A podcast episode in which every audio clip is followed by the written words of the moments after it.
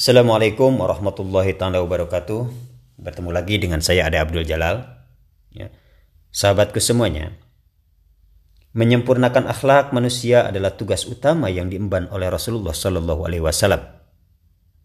Dalam lingkungan yang saat itu akhlak dan tingkah laku kaum jahiliyah sangat porak-poranda.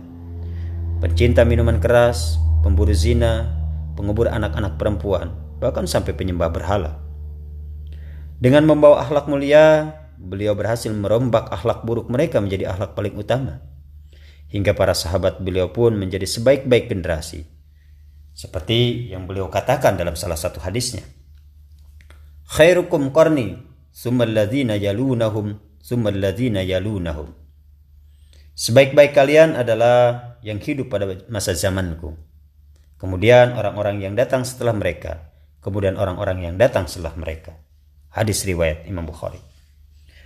Sahabatku semuanya, akhlak mulia bagaikan pedang tajam yang mampu memerangi kebatilan. Akhlak mulia bagai sihir yang mampu memperdaya lawan sehingga kebencian berbalik menjadi kasih sayang. Bagaikan tameng yang melindungi manusia dari kejahatan dan permusuhan. Sungguh akan luhur penjahat kalah sekakap jika dilawan dengan kemuliaan akhlak, ketulusan hati, kesucian jiwa, dan kesopanan perilaku. Kita pasti tidak akan pernah lupa kisah seorang kafir yang selalu meladahi Rasulullah Shallallahu Alaihi Wasallam. Setiap kali beliau lewat di depan rumahnya untuk pergi ke masjid, ia selalu meludah, memaki dan mencela Rasulullah. Suatu saat Rasulullah menanyakan keadaan orang tersebut yang tidak beliau rasakan seperti biasanya. Setelah beliau tahu bahwa orang itu sedang sakit, beliau segera datang ke rumah orang itu untuk menjenguknya. Maka Di situlah hati si kafir pun luluh melihat kemuliaan akhlak Rasulullah. Hingga ia pun mengucapkan dua kalimat syahadat di depan Rasulullah SAW. Maka inilah keistimewaan akhlak mulia yang mampu menyihir sekeras-kerasnya hati menjadi paling lembut nuraninya.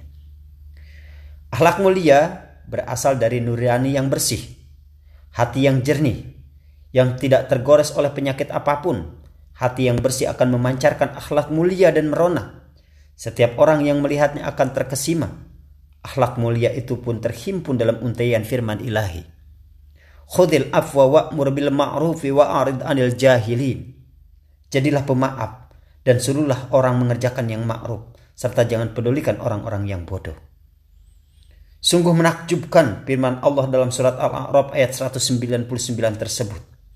Hanya dengan beberapa deretan kata sudah terkumpul di dalamnya semua jenis akhlak yang mulia telah mencakup di bawahnya semua perbuatan terpuji, baik yang remeh maupun perbuatan yang besar sekalipun.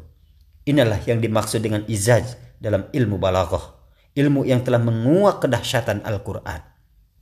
Sahabat kesemuanya, maafkanlah saat orang lain bersalah kepada kita, saat orang lain melukai hati kita, saat orang lain menyakiti perasaan kita.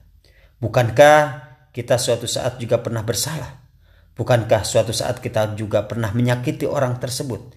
Janganlah kesalahan orang lain kita balas dengan hal yang serupa. Tidakkah kita sadar bahwa balasan dari Allah lebih mulia? Tidakkah balasan Allah bagi pemaaf lebih menggiurkan? Akan bertambah merona lagi akhlak itu jika kita tumbuh, jika kita bubuki dengan sabda beliau.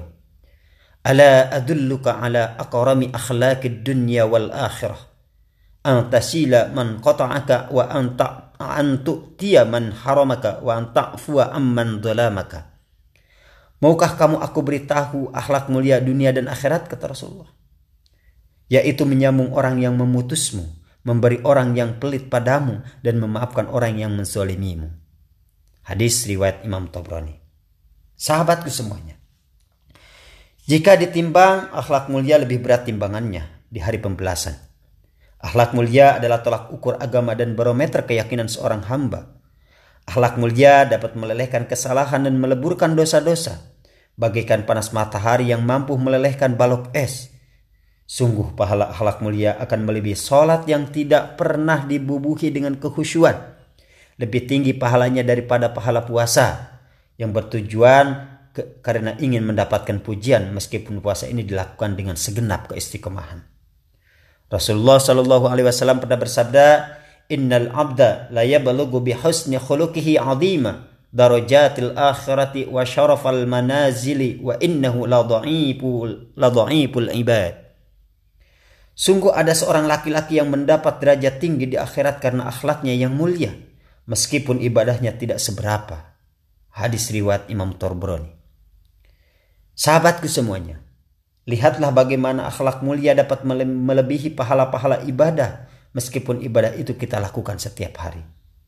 Begitulah agar permata kita semakin merona dan semakin mengkilat dan makin indah dipandang. Hati harus dihiasi dengan akhlak mulia akan makin berkilau jika nurani disebut dengan kesopanan dan diperangai mulia. Akan makin terpana setiap orang yang memandang jiwa kita senantiasa disucikan dari kotoran akhlak tercela dan debu perbuatan kita.